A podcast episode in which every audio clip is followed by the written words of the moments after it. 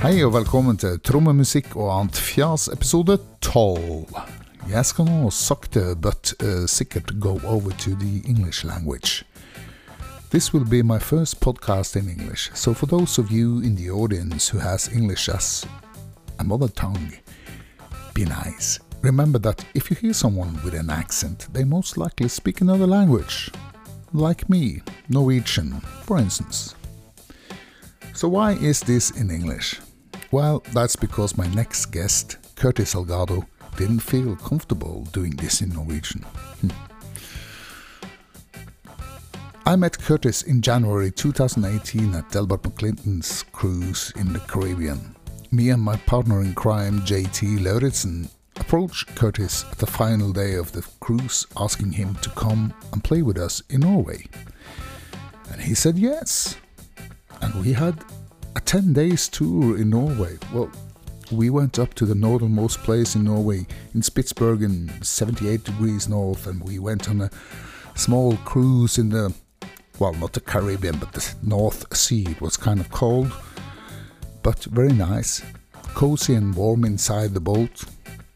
Um, yeah, and we spend a lot of time with Curtis. And Curtis has so many stories. He's like a jukebox of nice stories of the music scene in America. And he has some interesting points for us drummers and musicians. Curtis is a true legend. He played with them all. And he was the one who taught John Belushi what John Belushi knew about the blues. Well, the jukebox was on immediately, and he started off with a story from Stockholm because I mentioned Stockholm because I like Stockholm. So lean back, relax, listen to a legend. It's funny, Well- Stock, and then we'll get on with this. So, in the 1980s, in Yeah. 85, I played a gig in Stockholm Oh, yeah. And uh, with Roomful of Blues. Oh, yeah. And it, it was a big jazz fest, you know, Yeah. jazz. And so, Roomful of Blues played. And I'm sitting at this, and, and I, I just fell in love with Stockholm. It's funny you'd Yeah. say that, just like, Yeah. I just Sweden and Stockholm, you know. And I and I met a woman friend there, you know. She was fine, and her name was Agneta. And Oh, um, Fältskog. Yeah, and- and From ABBA. Agneta. and, and she was really cool, and uh, we're still friends to this day. Cool. And um, but I was there sitting at it at the breakfast table, Yeah. and Toots Thielemans sat at my table. What? It's just me. And he goes, Hey, I saw you play, you know, singing around. La, la, la, la. It's just like, oh, I, I couldn't believe I was sitting at a table with Toots Thielemans. And he was so nice. It was just him and me having breakfast.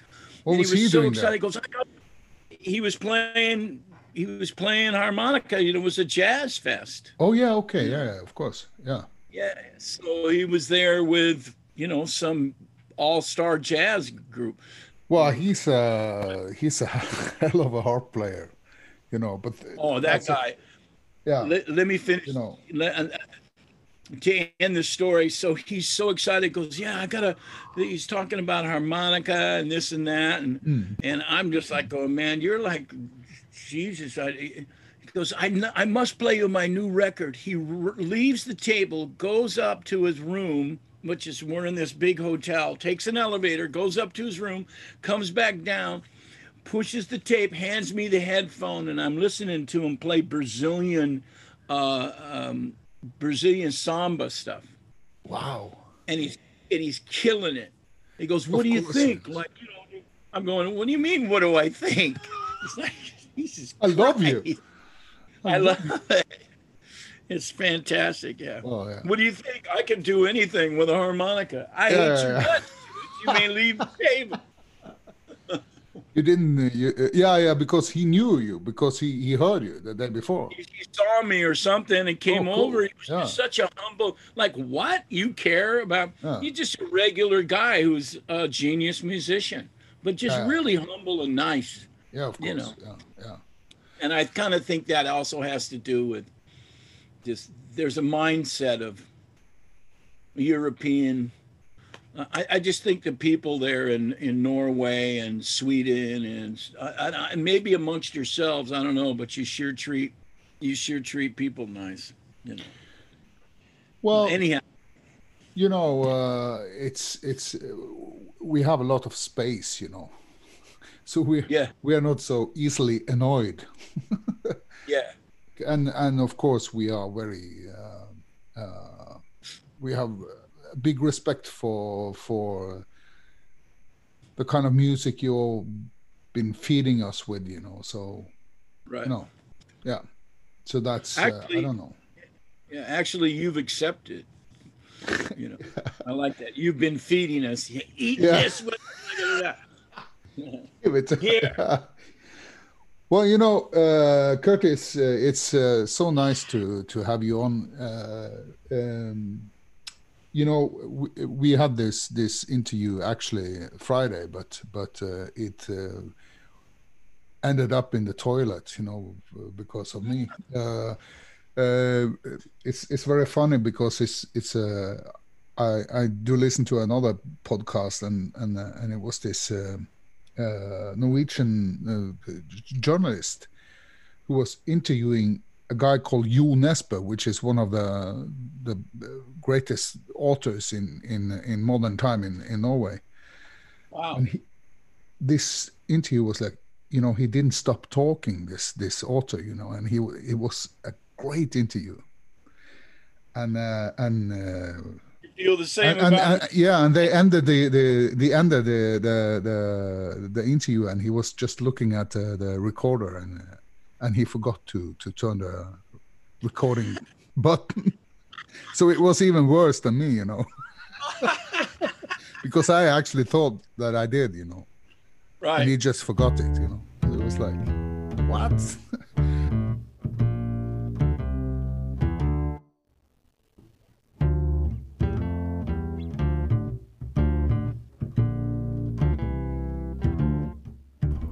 Well, this was just a warm up.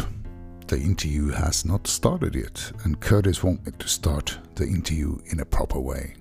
So I'll try. I'm just so happy that the record button worked. Well, here we go. Enjoy.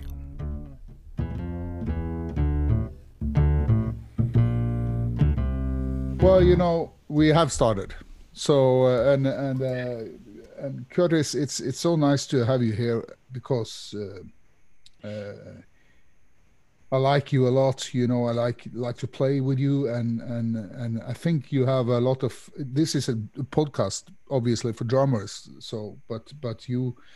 Um, you have strong opinions about rhythm and uh, drummers and musicians and uh, and uh, and and where to put the groove, you know, and be behind or in front and and all this stuff, you know, and and and uh, about uh, breaks, stuff like that, you know.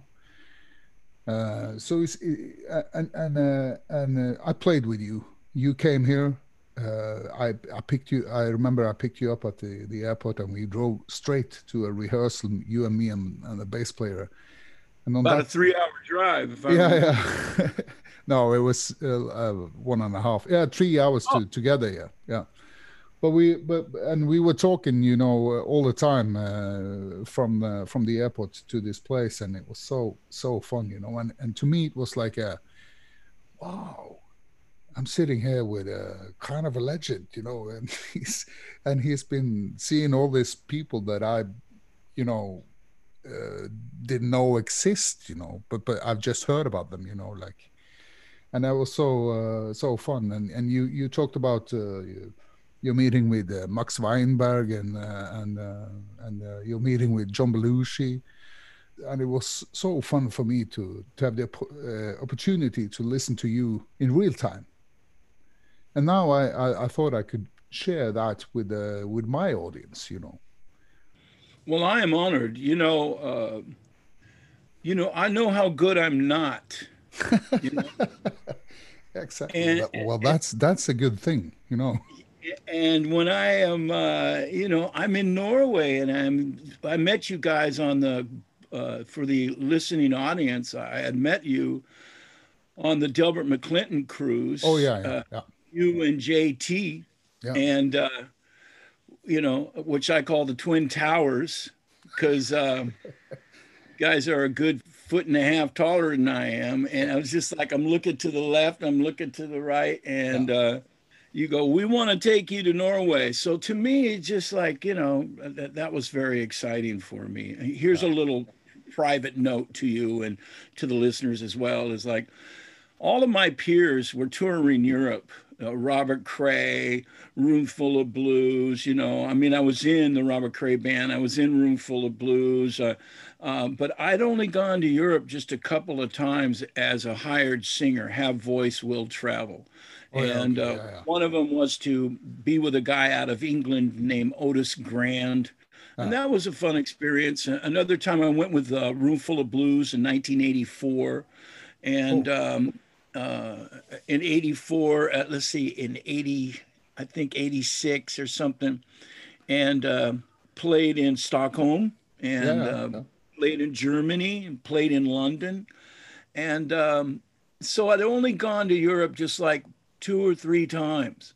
And yeah. I've always, my dream was to go to Europe and uh, and we'll get to drumming here. And then the other thing, yeah. as an American kid, and who's you know, I mean, I got the music bug, you know, and. Yeah. Uh, as a kid, my folks were jazz enthusiasts, and I had an older brother, older sister.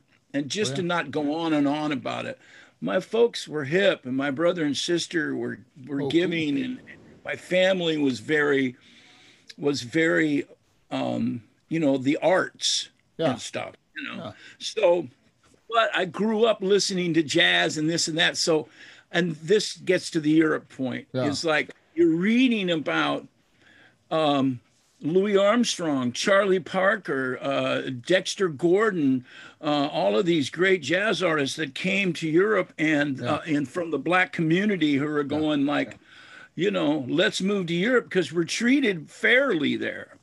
Well, exactly. you know, the thing was, yeah, exactly. So that, you know, I learned about uh, segregation and I learned about, uh, I learned through music mostly about the, um, you know, about racism hmm. and uh, about segregation hmm. and stuff through music. You're reading the back of a record and it says, that you know yeah we had to go through the back door at carnegie hall even though Count Basie's playing Carnegie Hall.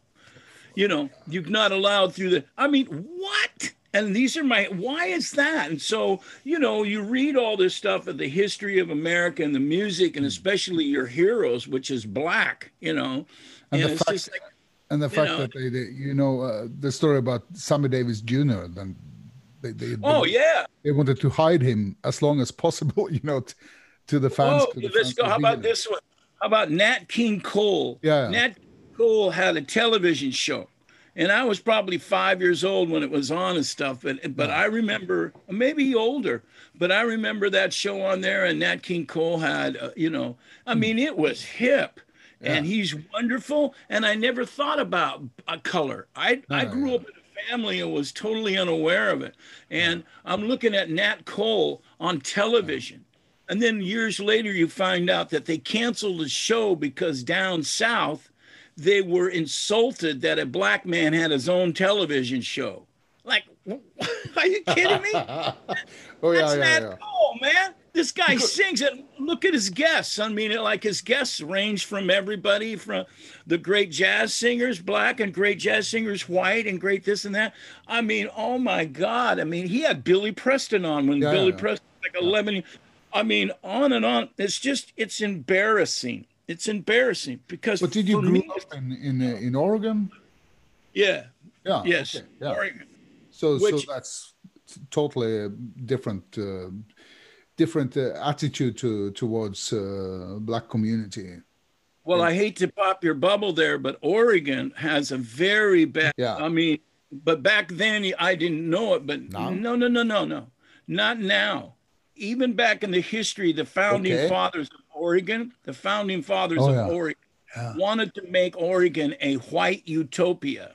Oh. I'll send it to you. Yeah, yeah, yeah. that's interesting. I mean, there was Jim Crow, yeah. Uh, which basically curfew to people of color. Yeah. and it was in Oregon into the mid 70s. Yeah. I mean, in other words, if you're black, you can't be out at a you're not allowed this and that. And that was down south of Oregon. I don't mean south of America. I mean, Oregon is Yeah. Yeah. northwest. Yeah. yeah. And uh, Portland, Portland, but nah, man, Portland, Oregon, Oregon has always been, at one point, it held one of the biggest uh, congregations of uh, of uh, the KKK. No, Oh, no bullshit. Yeah. Oh, I'm I so didn't sorry. know it because Yeah. you got to understand. I'm in sequestered in a home, in a house, in a neighborhood, in a family who doesn't even talk about it or whatever, you know. But how was I- the school situation? Was it like segregated or? No, no, but that's when I first saw my first sign of like, um, uh, racism. look, when yeah, of racism. And when I was in the Robert Cray band, I saw it here in Oregon. Yeah, of course. Yeah. Yeah, I got a, I got a taste of it. So But but you know, uh, it's interesting because uh, all these cats came to Norway or or to Scandinavian or to Europe, uh, especially the jazz cats. They came uh, especially uh, to to Copenhagen. Actually, that was a a big jazz uh, metropole in in Europe. And uh, and from Copenhagen they went touring in, in Stockholm and Oslo, and they used uh, Norwegian drummers, you know, like Jon Christensen and and and and who played with Sonny Rollins and, and, and guys like wow, that. Yeah, Uh, But then again, you have um, Thelonious Monk in Norway. We taped it on, on for television. It's it's quite funny because Thelonious Monk was playing in a in a big uh, uh, well it- it- auditorium. in the auditorium uh, with a with a a, a big um painting of Edvard Munch as as a as a, a curtain behind him. You know, it was Right. yeah yeah. It's it's a famous place.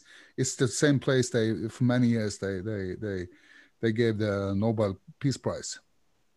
Oh, that's fantastic. Yeah. So I mean- so he played there, and and and you know the the the Stax, uh, yeah, Donald Duck Dunn, you know, and uh, Uh, Booker T and the MG. yeah, Booker T and and the MGs, yeah, they were there, and uh, almost a whole concert from Norway. You can Oh, find on YouTube. Yeah, you can Yeah. find it on YouTube. Yeah, Oh, yeah. right. yeah. It's from from the year I was born, 1966. Yeah, so you're talking about when they did the revue with uh, Yeah, yeah, Otis exactly. Redding, Otis Yeah, Redding and uh, Sam and Dave, Otis yeah, Redding, yeah, Sam and Dave and Otis Redding. Yeah. Arthur Conley was on it. Yeah, yeah. Original s- Booker Cropper, T. Steve Cropper, and uh, Donald Duck Dunn and um, Yes. Al Al Jackson. Jack. Yeah. You know that, that that now we can talk about drummers because Al Jackson, right. He's you know he's the cool coolest cat from uh, from that time. You know. He he is, you know, and even uh uh he, you know, of course, and you would agree, he still is to me. Um when you hear music, one of the th- reasons why you and I hit it off, and basically is uh, I'd like to think I'm easy to get along with, and I'm in a car, and you call me a legend and stuff. Like I said, I know how good I'm not, but it's somebody is like, you're the same. It's like, wow, you are on the same thing. You like the same stuff I do, you Yeah, know yeah, yeah. guys are you get it you know what i mean and uh, and we're both on this kind of musical education and journey to talk about just like all artists of all levels Yeah. you know i mean there's just some incredible people out there and of course the best ones are the ones like a Toots Thielemans who's a genius Yeah, yeah, who is you know the guy's a genius yeah. and uh, um, you know, and he's sitting down on a table with a nobody just to say hello, and I saw you sing, and blah blah blah, and hey, w- I can't wait to play in my record. You know, Yeah, yeah. like, you know, that's that's that's like you and me. You know, yeah, yeah, so yeah. but it's it's funny you have but we are all uh, we're only human you know because you have the same feeling for for him that i that i have Right. for you you know and and and and and and and so on and i know that i'm no i'm not a nobody you know and you are Right. not a nobody so it's like right. yeah Yeah, we're we're in this together.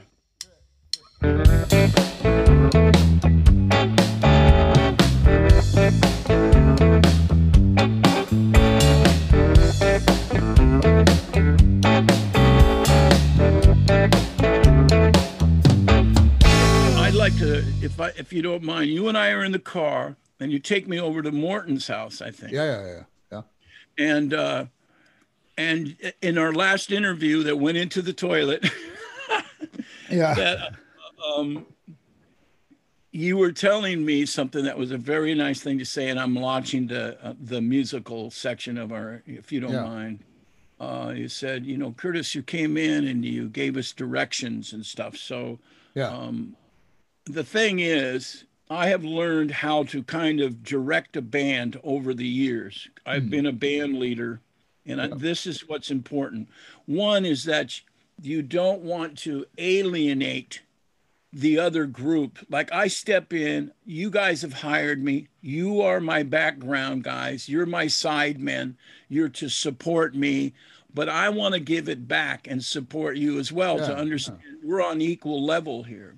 Uh-huh. So we started going through the tunes, and to me, it's like this is where it changes. Is that I'm going to give some ideas, but you always do it. It's it's not about ego, you know. It- it's how to get the band on my side. It's not about ego. It's just like I like what you're playing. Would you do me a favor and change this? and then uh, let's listen to the tune. You see that? Because most musicians, a lot of them, and you guys aren't in this bag, but it, it you know, you got a life to live. There's somebody's coming over. How much time you spend on a song, how much and what you're focusing on. And uh, and one of the biggest things, um, I'm going to throw this in. Uh, nah, I'll wait for that. But so we go in and we start doing 20 years of BB King, let's say, right? And um, so I just point out the parts that are the meat parts of there, and the sex, the part that's going. And you guys did your homework, you know. So all I'm pointing out is like for you as a drummer, is like um, I'm not saying you did this, but uh, I just pointed out little things. Like for instance, uh, you don't need to play the riff in the middle of the tune, which for the listeners is da ba da da da ba bo da like that. And uh, uh, every drummer I've had that I've taught the song, and I've had a handful, well, you know. Yeah, So they go like tech, tech, tech, tech, tech, tech, tech, tech, and hit it. And then I play the record or go like, all you need to do is hit the last three Last note, notes, yeah, the yeah, last bar of yeah. this. Yeah. Yeah, yeah. And and Yeah. so it's like one, two, three, four, one, two, three, and it's, so it's like um, you know two bars. Yeah. And a bar. So I I remember pointing that out, and he went, "Oh, boom, you got it." And the other Yeah. thing is, is that like, you, you know, I could be with people that go like, "I don't want to do that." Well, that's kind of what's on the record. And here's the point: Yeah. if I'm gonna record, if an artist is gonna record a record, Yeah. and the the musicians hired are gonna do this record or this recording. I am as an artist, I'm hoping to play it as close to the record as possible. Of course. And a lot of musicians want to do it and go, I'm going to do it my own way. Oh yeah. Yeah. But you know, there's nothing wrong with that. But you might as well just, you know, you know what I'm saying? It's just like you want to. So I say this: Look, I want you to do this, but I want you to keep your personality intact. I want you Exactly. to. But here's the basics of it. Know? Yeah. So it's not gonna, you know, no, but no musician wants to go. I don't want to do it exactly. That's boring. Now that's one of the problems I run into. Is this like, well, that's boring. I want to do it my own way. Yeah, but I have a product for sale, Yeah. and I'm putting it out to the listener, and the listener, and then it's on the radio, and then it's on your stereo, and it's on your it's Yeah. on your Facebook. So that is what the thing is. Is I- I have to take my musicians here and I go, look, I've recorded this with top musicians in hmm. Nashville or LA or Kid Anderson, Yeah, you know, and yeah. Kid Anderson with with Jerry Jemmott and so and so on, you know, who's a Kev. I have Kevin Hayes on drums, or he'll have uh, the Delmar on drums, or Yeah, yeah. you know, you know, who's incredible, great drummer, Yeah, you yeah, know. Uh, anyhow, my point is, or I have Tony Braunagel, or Yeah. da, da, da. my point is, you got to learn the song, and so I've learned to how to kind of get you guys on my side. Is this good to talk about? Yeah, yeah, of course. You know, because we we have talked in in many of those uh, episodes previous to this is is that uh, uh, every drummer or every musician actually has their own uh, fingerprint. You know, like like, Yes. like the time is the fingerprint. So Yes. so you just have to trust that your your groove or your rhythm or your your time is enough to point out that this is you playing. You know, Right. you don't need to do some extra extravagant or something uh, that that Right. might might end it, end in the toilet. You know. Uh, exactly. So, so that said, for me, I think in terms of of when I'm in the studio, I've learned a lot. You asked me this question on on our first take of this. It's Yeah. like, where did I learn this? Yeah. You know, like it wasn't it wasn't from books. It was like, like I don't play bass. I don't play drums Hmm. but I'm smart enough to like pay attention. Hmm. And so one of them is a guy named Richard Cousins, who's the bass player for Robert Cray. Yeah. So I play harmonica and sing, and I'm thinking about that. Richard ain't telling me how to play harmonica and sing, but I don't play bass. And Richard didn't go, Curtis, this is what it is, and this is what. But I just paid attention, and some, and many we lived together. So in many conversations, it would come out, and you know, he's just said, "Man, listen how James Jamerson goes like this," you know. And he goes, man, he plays these falls, and he'd do a fall, you know, and he plays it, and then I would, I would like, oh, falls, that's what that is, or this, you know. I paid attention, and it was Exactly. Richard that said these words, man. This is for all drummers and for all musicians, sidemen or not. And then when you play this, so hmm. I want you musicians out there, learn the lyrics of the song. Yeah. And Richard knew every damn song. I mean, he knew the lyrics to everything. Not only now, you got to remember we were doing songs that were rare soul tunes or this or Yeah. rare. We weren't writing songs yet. You know, Yeah. No. No. Uh, you know that came later. But Richard was like, you want to learn how the song goes and the form, learn the words to the song. Now he didn't tell me that because I'm the singer, but he would say that. You know, it's like, hey, you know, he'd say that to one of the guys in the band, or, you know, I made a rich, you know, he- he- that was it, and it made so much sense because the lyrics spell out the form of the tune. Yeah. And The dynamics and all that. right the dynamics of the song Yeah. and uh, you know you have your typical always 101 you know a part b part back to the a part to a bridge and the end and vamp and all that you were talking about a vamp the other day Yeah, yeah. and uh, so richard's like learn the lyrics of the song now what I've noticed over the years playing with all sorts of people and playing as a hired singer or playing and hiring guys in my band is that I give them the material Yeah. and they have it for a while and then we get together and we re- rehearse and the piano player doesn't know the lyrics. All he's paid attention to is the chord of the tunes. Yeah. The drummer hasn't learned the lyrics, Yeah. or the bass player hasn't. You got to learn this first of all. Then I'm going to go. Will you sing background? on Well, what are the words? You know. So it's just. So I have to say, at a rehearsal space, I have a rehearsal space here in Portland. So this is now. This Yeah. is now. I'm, you know, just before COVID, I'm saying to a band member, you got to learn the lyrics of the song. If you want to know how the song goes, please, I, I'm telling you guys, please. I don't go, you dumb fucks, Jesus Christ. You know, I just, hey, man, learn the lyrics to the song because it'll help you out. Yeah. You know, Yeah. I Exactly. mean, Yeah. and uh, um, but it also tells you the form. Like with that, Yeah. you know, Yeah, yeah, yeah, person never knew the story, but this it also tells you the form, and that is this: when to play a fill and when to play a transition riff. Yeah. And transition riff is like, okay, you're playing a groove, and then all of a sudden you're going to go to the next part and you put a plant or a hit. Yeah. That, no, And that goes to give a push when a chord change comes. Yeah. Well, it goes right with the lyrics. Everything is a puzzle, Yeah. it's an arrangement. And that's why it's kind of important to know the lyrics because it'll tell you where you're going to go. Yeah. We, You know, you don't want to sit and play a fill over the guy's voice. Exactly. We, that- we we were talking about Howard Grimes last time. You know about Right. this. You know, he, he's he's a master of this. Uh, psst.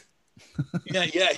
yes, and uh, it was Howard Grimes and Al and Al Jackson on Yeah. all that Hi record and Memphis stuff. And um, I was at a rehearsal with Howard Grimes Oh yeah. with this guy called uh, um, the bass player for the uh, uh, what are they called? You know, they were backing up Otis Clay, Yeah. the Bodines or something, or um, um, for a while there was uh, a guy named Spencer Wiggins, who's Yeah. a great soul singer no one's ever heard of, but he he was a regional soul singer. Otis Clay, of course, was kind of mm-hmm. like he was the same label man as O.V. Wright, but Howard Grimes was the drummer Yeah. yeah. and I was at a rehearsal and I couldn't believe how laid back he was. I don't mean laid back behind the time, but it wasn't about fills or fancy stuff. It was to play to the service of the song. Yeah. yeah, yeah. So just bap, bap, coom, ch, mm, choom, uh, and he just sat on it. Yeah. He sat on it and grooved. And then, you know, here comes the change back that smash, change. Yeah. You know, that's that Memphis style, straight Yeah. down the street, raw soul kind of stuff. And then, of course, on the other side of that is, is the, you know, church drumming. Like, you Yeah, know, I was about to say that the, the gospel yeah. guys, Uh, you know. or or jazz you know your vinnie Colaiutas your you know these guys uh, that uh, it, but it, it so no matter what it is if you got a singer and you've got a story to tell you know you're listening with or without a vocalist there's there with jazz of course is improvisation you're given a head usually and you're given uh, you know a refrain a head a bridge or something but they're listening to each other and feeding off of each other Yeah. singer songwriter stuff that's what i do Yeah. that's so that's so when i came to your rehearsal with just you and the bass player Yeah. which i will say that i know that's who i need it's just you two guys Yeah. Exactly. I mean, yeah. it says it all. I realize that the piano is the rhythm section is, you know, but really it is like with just the bass and the drum, I can put on a concert, you know, and that is the root. If that is solid and playing there solid, the rest of the stuff kind of falls in line. Is it important? Hell yes. It, it makes, I mean, then the guitar riffs come in. The Yeah. guitar riff gives it a personality. Yeah. it gives it a you know more of a personality more of make it unique from one song to another.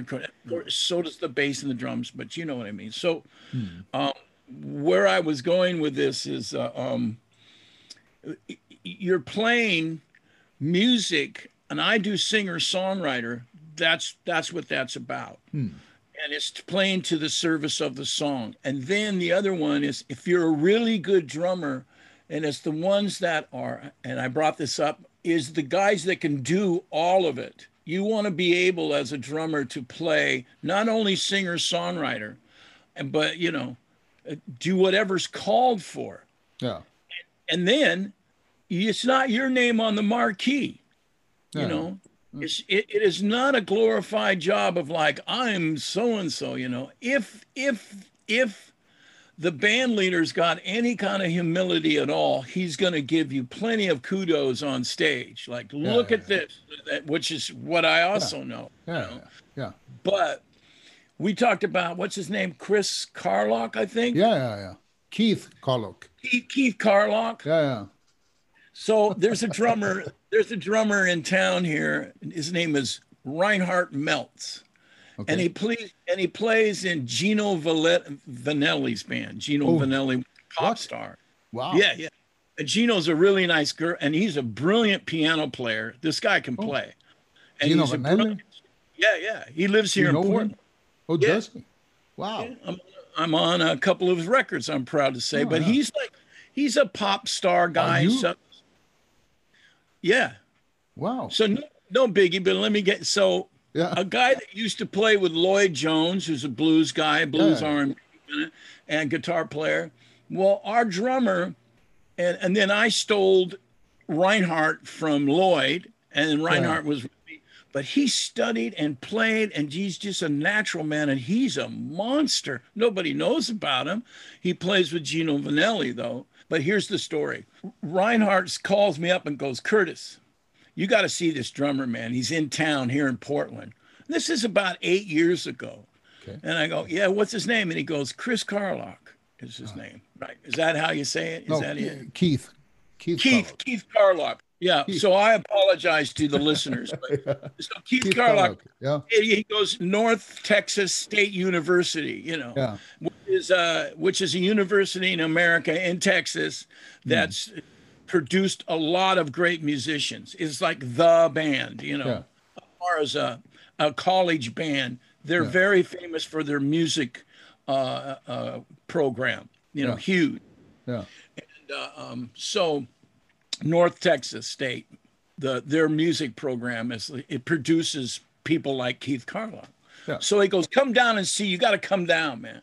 So I go down there, and there's nobody there but drummers, and so there's about and me and there's 15 uh, you know and a couple of chicks you know or somebody interested but that's it basically it's, it's like Car- You hanging Jackson. in the you hanging in the bar with your harmonica and, and yeah, and you, I can't. I can't wait to jam. You know, so so I go down there. I love music. You know, so I, you know Reinhardt. Reinhardt's a badass drummer. So I go, okay, man, I got to see this. Yeah. He turned me on to a bunch of stuff, and so uh, so I go down there. and This it's all drummers.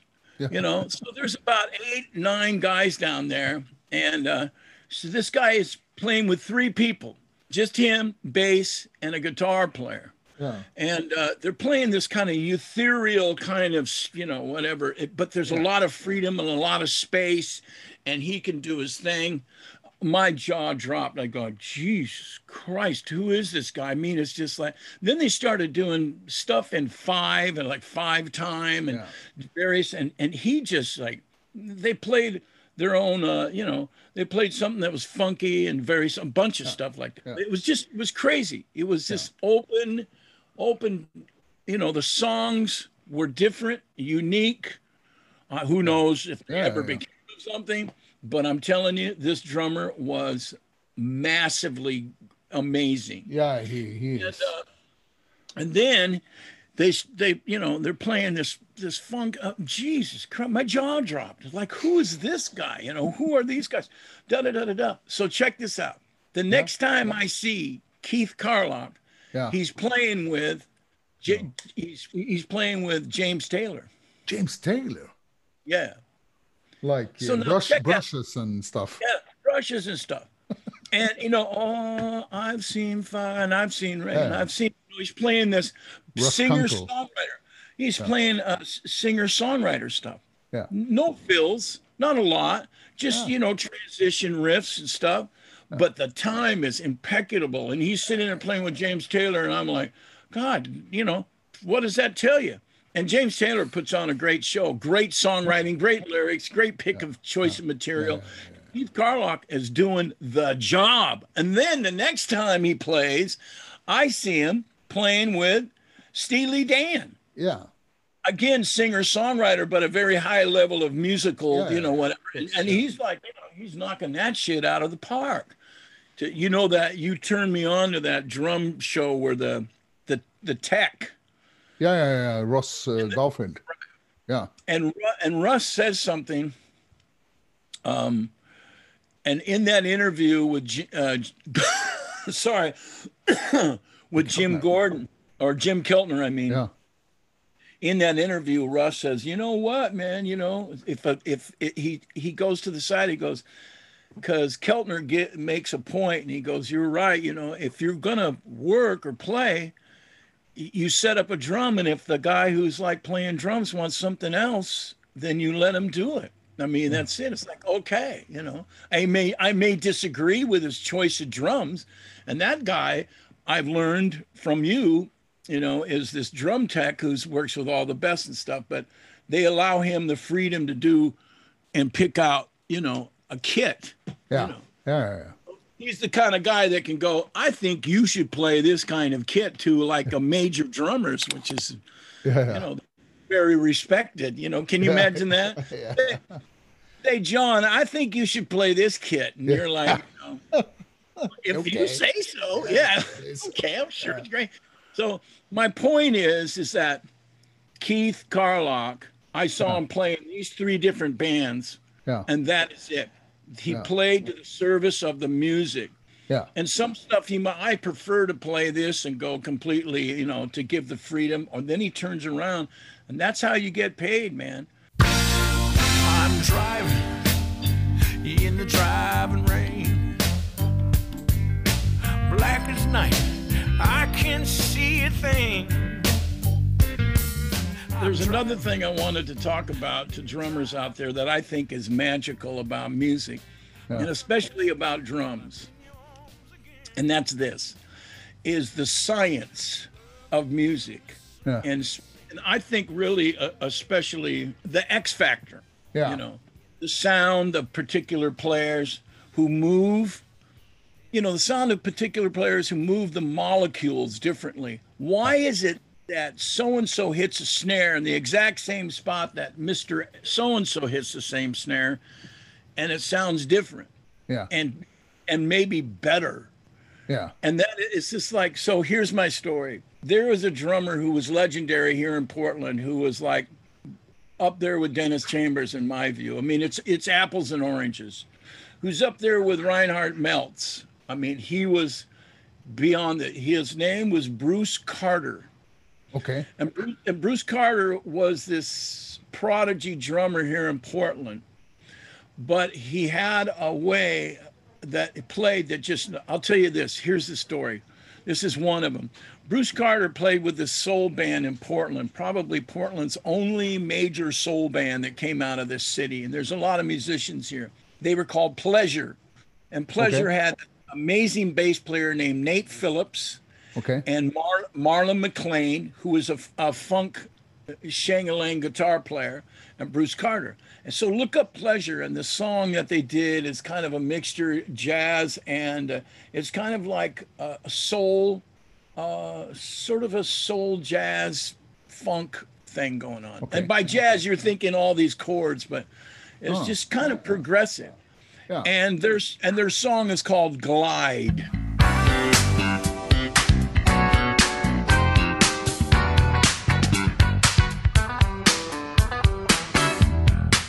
That's their big. Yeah. They had a they had a million seller hit with Glide. Okay. Anyhow, and the bass line is Nate Phillips. The drummer was Bruce Carter. The guitar player is Marlon McClain, and it's one of the most sampled. It's a, not one of the most. Yeah, it's one of the most sampled songs for hip hop and stuff out there. Other than Oh, James, and lots of songs are, but this one is definitely up there. you Wow. know? Cool. Okay, so let's get to the story. Bruce Carter, you'd see him play in a club and he had no ego, no, you know, whatever. And everybody's, that's Bruce Carter. That's the finest drummer around in this neck of the woods. So I watched him open up for Tower Power. And Wow. Bruce came out, he's probably about 19 years old. And he came out and he did a, a solo uh, first of all, with just a hi hat. That's how Pleasure opened the show. Okay. They, who's going to follow them is Tower of Power. It's a Tower of Power show, right?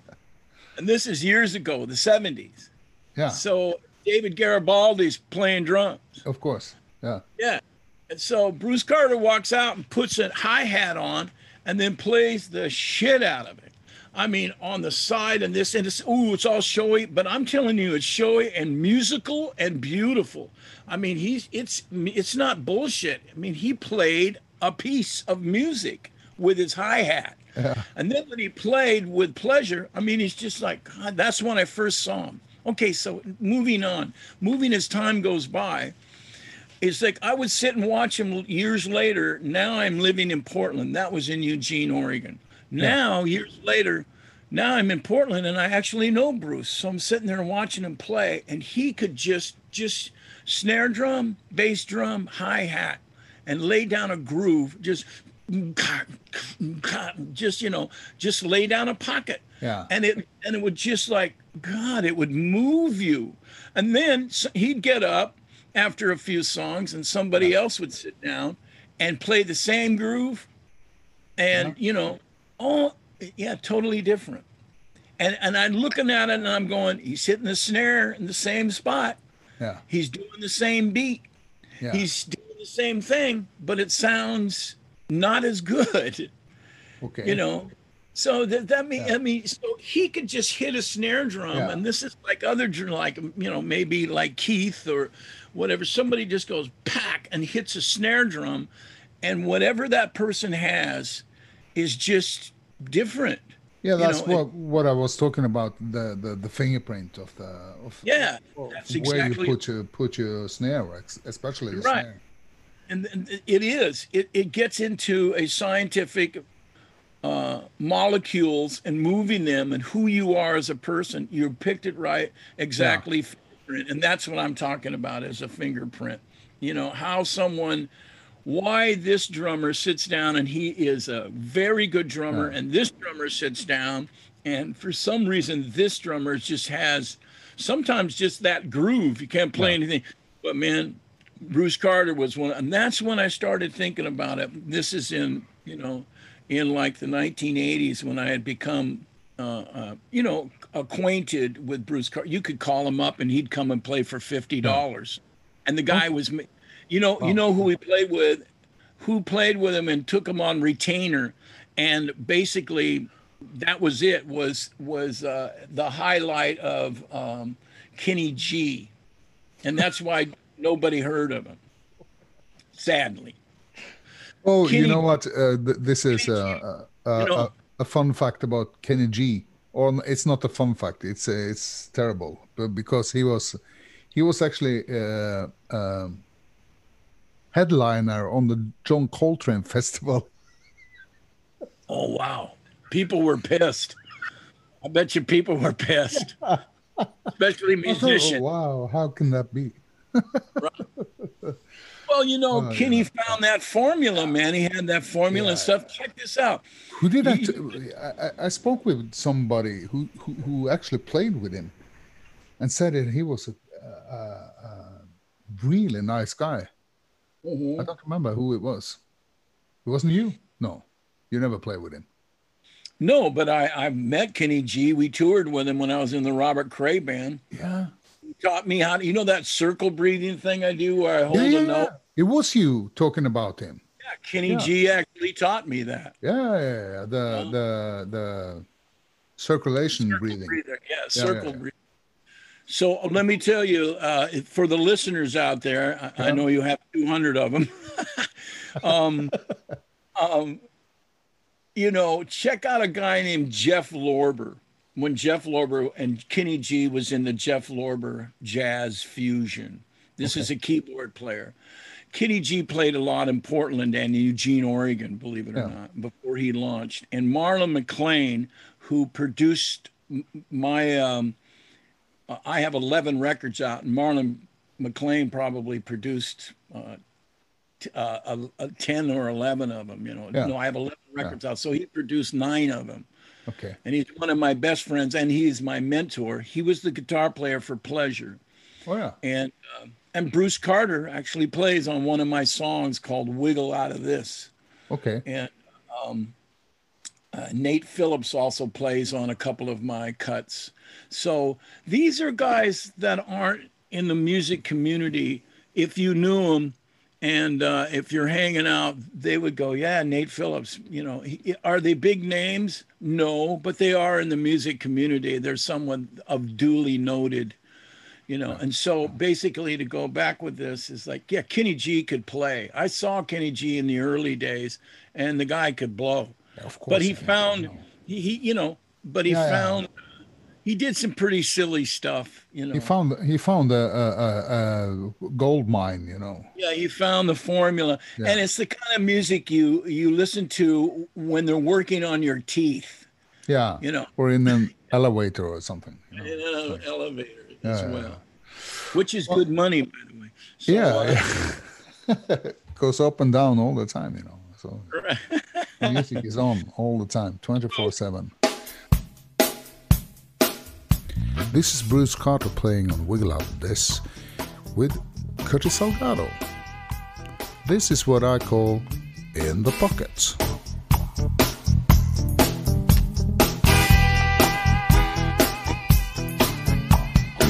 Back in the days, you you you you were a, a really nerd. Um, I learned that you you you you you, you didn't you know you didn't do anything else than music. You know, I mean, yes, everything That's was music. Yeah, music and yeah. Uh, and maybe some some funny stuff, but uh, music and drugs, drugs and ladies. Ah, kind yes. of a but uh, uh, you know, you have to you have to tell uh, our Norwegian uh, listeners the, the, the story about uh, you meeting uh, with John Belushi because you know, the Blues Brothers film is kind of a you know very famous film in, in, in Norway and and and and it's it's it, it's it's a really fun story. All right. Okay, so. Um so this is 1977 and um, 76, 77, I think. Yeah. And you have to remember there are a cast of characters to this. So, first of all, at this point, I had a band. I was a singer of a band. I wasn't the leader. We were yeah. all a democratic thing called the Nighthawks. Yeah, yeah, yeah. Right? yeah. And then there was another band in town that moved down from Tacoma and that was the Robert Cray Band. Yeah. And uh, little side story before I get to Belushi. One day I'm walking with a friend of mine who's a saxophone player, and uh, uh, he's still alive. His name is Randy Reese, and we called him Ratso. Oh, yeah. So I'm walking down the street with Ratso, and he says, "Yeah, there's these, there's this uh, couple of black guys here in town, man. They're really into the blues." I go, "Really?" And we're walking. I go, yeah. He goes, yeah, man, they're really into like Elmore James. And so, man, you're kidding me. Now, the reason I'm going, they're kidding me is like, I'm like 22, 23 years old, and I don't know anybody black who's into the old blues because, of course, old blues songs to young black people was kind of like Uncle Thomas and racism, and yeah, it's what they're. Yeah, and like any, who cares if not only that, but it's your parents' music. Yeah, right? yeah, yeah, It doesn't matter about the you and know, it's, and it's uh, slave slave music. yeah, of. yeah, or they yeah they think it's slave music and stuff. Yeah, yeah. You know, they got the wrong idea. Plus, it's their parents. You know? yeah, yeah, But um, you know, Robert Cray, Richard Cousins had moved to Eugene, Oregon, Hmm. And they had met a couple of girls there who would be their girlfriends, and uh, and I met them through Randy Reese. Eventually, I will end up living with Richard Cousins, oh, yeah. and we'll have we'll, we lived in a couple of apartments, oh, yeah. and we lived together for about five years or so, okay, in yeah. various apartments in Eugene. Okay, yeah. So now it's 1977, and I'm in a band called the Nighthawks, and Richard is playing bass for the Robert Cray Band, and Richard and I live together. And that's, as I said at the start of this interview, how I learned a lot. I learned a lot from Marlon McClain from Pleasure and yeah. Richard Cousins. Yeah. And uh, um, like I said, Richard didn't sit me down and go, "Here's the story of music." You know, it's just I like I told you, I listened a lot. That's that's to answer your question about where did you get this? I was a nerd and I'm really into music and I'm really into everything about it. Yeah. I'm into show business. Yeah. I'm into what makes a show work. Yeah. I do not like Madonna. I don't her music and, and, and, but her voice is like fingernails on a chalkboard to me, but yeah. I respect her. See exactly. what I'm saying? Yeah, yeah, yeah. I don't I you know because she knows how to put on a show, you know she knows how to put on a show, and yeah. she, you know, she, she, uh, she doesn't copy. She steals. hey, yeah, yeah. And that's and that's what. You, yeah, there's a difference. Yeah. There is. Yeah. You know, um, that's it. You know, um, amateurs copy, professionals steal. Exactly. So, so big. There's a big wisdom for you yeah, there, for your listeners. Anyhow, so I live with Richard and one yeah. day Richard comes up to me and says, God, I, I, guess Robert's got a part in a movie, Robert Cray. I go, really? He goes, yeah, yeah. They don't want me though, because I'm too light skinned. You know, said a few other little things about that. And, and, uh, and and then that was it. That was the first I heard about a movie being made in Eugene, Yeah. and then it went one ear and out the other. It was like, oh, interesting, Robert. Stern, oh, damn.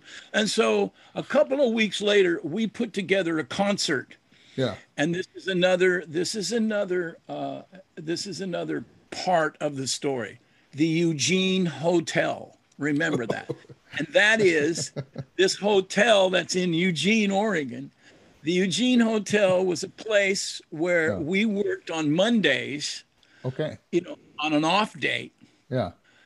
as we called ourselves the crayhawks and it Oh, was yeah, a cool. splinter band A mixture So- of the names. mixture yeah. of both bands. Yeah. Yeah, yeah. Why? Because it's Monday night and we need to make money. If we're not playing, we're not making money. So basically, and then you work usually on the weekends, Saturday. Yeah. Right. So I put this at this point. I never saw Saturday Night Live. I worked Saturdays. Yeah. Exactly. Richard Cousins and I did not own a television. So I know nothing about Belushi. I know nothing about Saturday Night Live because I'm working. you You know, didn't know who was president in the United States at the moment. Probably not as well. I, I think it was. Uh, it was yes, it was Jimmy Seven- Carter. Carter. Jimmy Carter. Well, he was a nice guy. Yeah, yeah, it was. So He's the nicest guy, actually. Yeah. yeah, yeah that's why. That's why they kicked him out. Um, uh, anyhow, Yeah.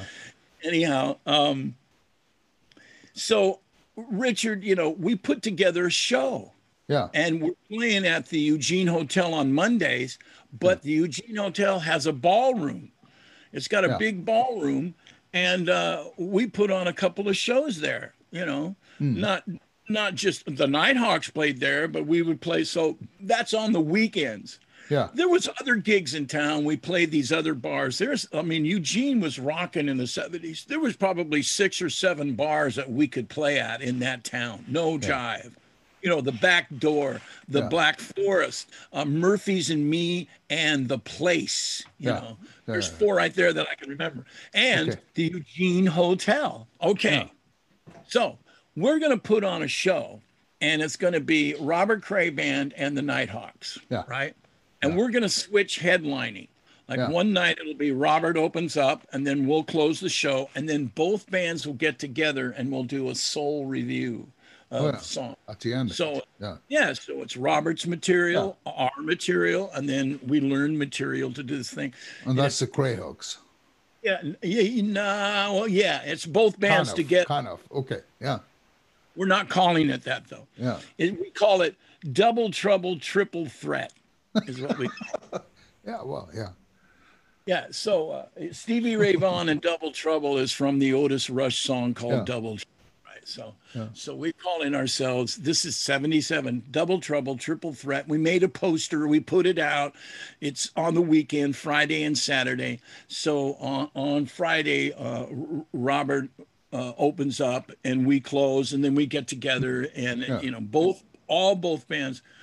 Um, and uh, it's it's not a yeah it's a cray house so anyhow then saturday night comes and um, the nighthawks open up and robert's going to close. So i'm playing a song and here's the story. Now i've set it up. We're in the ballroom of the eugene hotel. Yeah. and this guy comes up to me and is yanking on my pant leg. Okay. going, "Hey, Curtis, hey, Curtis, Belushi wants to meet you." I, I, I'm singing a song, and he's yanking on my pant leg, yelling at me, "Belushi wants to meet you." What what is he saying? First of all, Belushi wants. to- I mean, to me, it just sounds like what. So I lean down, and I'm in the middle of a song. But Yeah. you know how people come up to you, John, as you're yeah, yeah. playing. They go, "Hi, John, how you doing?" Or you know, whatever, whatever. It's like I'm in Yeah. the middle of a show. Yeah. So I lean down to him and I go, What? And he goes, Belushi wanted. And I looked at him and said, Fuck off. You know, what the fuck? You're talking to me. And so I go back. I was cocky back then. So Yeah. then, Yeah. yeah. so then, so he kind of backs off. And then he comes up in the middle of the same song and does it again. Did you know And this go- guy? Yes, I did. Oh, and his okay. name and his name was Richard, and he stood about uh, I don't know five feet tall. He was this little guy, Yeah. and we used to call him Little Dick. so So it's little Dick. Of course, I- yeah. I- Yeah. Little Dick go, pulling your legs. right, right. Pulling on my legs. And I go, what? And it goes, Belushi wants to be. I don't even know what he's saying. And I Yeah. said, fuck. I said, fuck off. What the fuck? I'm in the middle of a tune. So then I lean down. He says, Belushi wants to meet you. And I just look at him, kind of shake my head. And I said, okay, this guy is a cocaine dealer, right? So we all knew him. You understand okay, what I'm yeah. saying? Yeah, yeah. So basically, he walks off. He walks off away. The set ends. I get off the set. I'm headed towards a group of girls that I know, and there's a you know, it's like, oh Yeah. wow, there's Debbie Stinson, and there's so and so, and I'm headed over that way, and uh, all of a sudden, Dick grabs me by the arm and spins me around, literally the left arm, and spins me around and goes, "This is Belushi. He wants to meet you, man." So let let me add here. I don't know who Belushi is. Yeah. I've never seen Saturday Night Live. I have no idea how big a star this guy is at this moment. He's And it- huge. And it doesn't look like a star, you know. He looks like No, no. yeah, I he looks like a drug addict. and I've never seen Saturday Night Live. Yeah. Never. I have no idea who this guy is, but I will find out. And here it is. He spins me around, and he comes up to me, goes, "Hi, I'm John Belushi," and so I shake his hand, and I'm just looking at him like this. Yeah. Yeah, you, Yeah. you you were looking at the the, the girls. Yeah, yeah. I turn my head to the to the left over my shoulder. Yeah, what's what's up, man? What? And he goes, Yeah, I really like your music, and you kind of remind me of a friend of mine. His name is Dan Aykroyd. He kind of looks like you. Now, I used to have, you know, brown hair. Yeah, yeah, yeah. Like, Yeah. and I go, oh, and he goes, yeah, he plays harmonica too. And I'm thinking, who gives a shit? Because the least thing the world needs is another harmonica player. To me, it's just like you know. I mean, to me, it's the, and the, you know, it's fingernails to the. I mean, harmonica. yes, So I'm not going to go off on that. But to me, I think, who cares? He probably sucks, and I don't give a shit. And he goes, he kind of looks at me, and I I'll, can still see it in my mind's eye. And he looks at me, and he realizes I don't know who he is. I go, I look at it. I'm looking at the stages. The stage is right here. You know, Yeah. Yeah, yeah, yeah. the stage is, it's to my left, and I go like, I'm thinking, yeah, who cares? Okay, yeah, thank you. And I'm trying to break away. And he says, I'm here with the movie in town. I'm making the movie. Oh, now I know about the movie, right? Because Richard told me about it. I go, oh, you're playing, you know, Roberts. Roberts in that movie. I said to him, that was like Yeah. the first. Movie. And he goes, yeah, I saw Robert today. He taught us how to dance, and he, he taught us these dance steps Oh yeah. I- which we'll see later on in the movie, uh, of course, of Otis Day and the Knights. Now, Oh, let's. yeah, because it's the Animal House, the movie. The movie is Animal House. I have no idea what it's called. You Yeah. got to remember, I'm going like, oh, Roberts, I don't know what the movie's called. And he goes, yeah, I'm making this movie here in town. Yeah. Belushi never told me the name of it. So I'm like going, oh, okay. So movie- this is, Yeah. yeah. Yeah, Robert's in the movie. He goes, I saw Robert today. He taught us how to dance. And oh, we discuss a little bit. And then to move the story on here, Belushi goes, Yeah, yeah, I'm with a, I'm with kind of a variety show. It's called Saturday Night Live. And I'm like, okay. And he goes, I, I you know, um, so he's mentioned Dan Aykroyd. He's Yeah. mentioned the movie.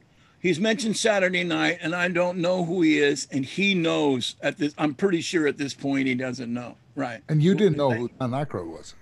No, I No. didn't. Yeah. And uh, and so he goes, yeah, I'm I, I'm doing this variety show in New York. I live in New York City, but I have to draw fly. I have to fly from New York to Portland and then get in a car and drive down here, which is a 90 minute drive, oh, and then make this movie.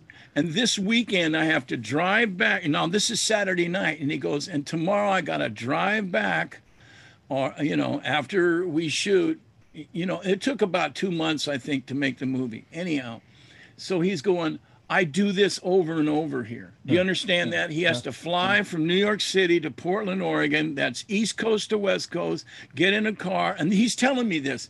And he's going, It's really grueling. I got to drive to this and come down here and do the movie. And then I have to drive back and go back to New York. And then he goes, But I'm really excited about this week because we're going to have Ray Charles. I go, What? You know, now all of a oh, sudden, you know, I go, What? He goes, Then, yeah. then you're Charles." interested. Yeah, Now you're you're gonna yeah. do a show, and he's kind of telling me, you know, like, yeah, it's a variety show, da da da da. da. And he goes, yeah, I want to do Ray Charles, and this is what happened. I go, you're gonna have Ray Charles, then, and I'll never forget this. He kind of like drops his thing and starts to walk away, and I'm going, wait, wait a minute, whoa, what are you doing with Ray Charles? He goes, yeah, we're gonna do. I go, you gotta fuck ask Ray Charles about Guitar Slim. He goes, who's Guitar Slim? I go, you don't know who Guitar Slim is? Are you kidding me? And he doesn't, and I think he, you know, you're gonna have. He goes, yeah, yeah, I, Guitar Slim, man, he had a hit in 1953 called "The Things I Used to Do." He not only plays piano on it, he arranged the session and he ran the session. So he's the guy in the studio, pretty much producing. You know, there's it's specialty records, right? But you know, Ray is the one that they're all sort of following to do. And they, I guess they went take after take after take, and finally they got the right one. And the things after they used to do was a huge hit. Now, see, I'm talking to you Yeah. and your listeners, and this is how I'm talking to John. And he goes, Really? And he comes up to me. It wasn't like he, I'm talking too much here, and I apologize, but it wasn't like he, he just started walking away. I go, Wait a minute, what are you talking about? So he Yeah. goes, like, But he knew he had you. well, yeah, yeah, yeah. He knew he had me, and, and, and I start telling him, and then I go, Zam, you got to talk to him about this. And he literally, and this is much to his credit, he goes, really? That's what? Who is that? Whatever. And I said, man, you got to ask him about. You know, he plays alto saxophone, don't you? He goes, he does? I go, yeah, Ray Charles plays on Hot Rod. It's on 1958, new, live at Newport Jazz. It's an, on Atlantic Records, 1958. It was issued on Atlantic. It's all called Hot Rod, and he plays the shit out of an alto saxophone. Yeah. And I'm telling this to Belushi, and he goes, really? You know what? He goes, let's go smoke a joint.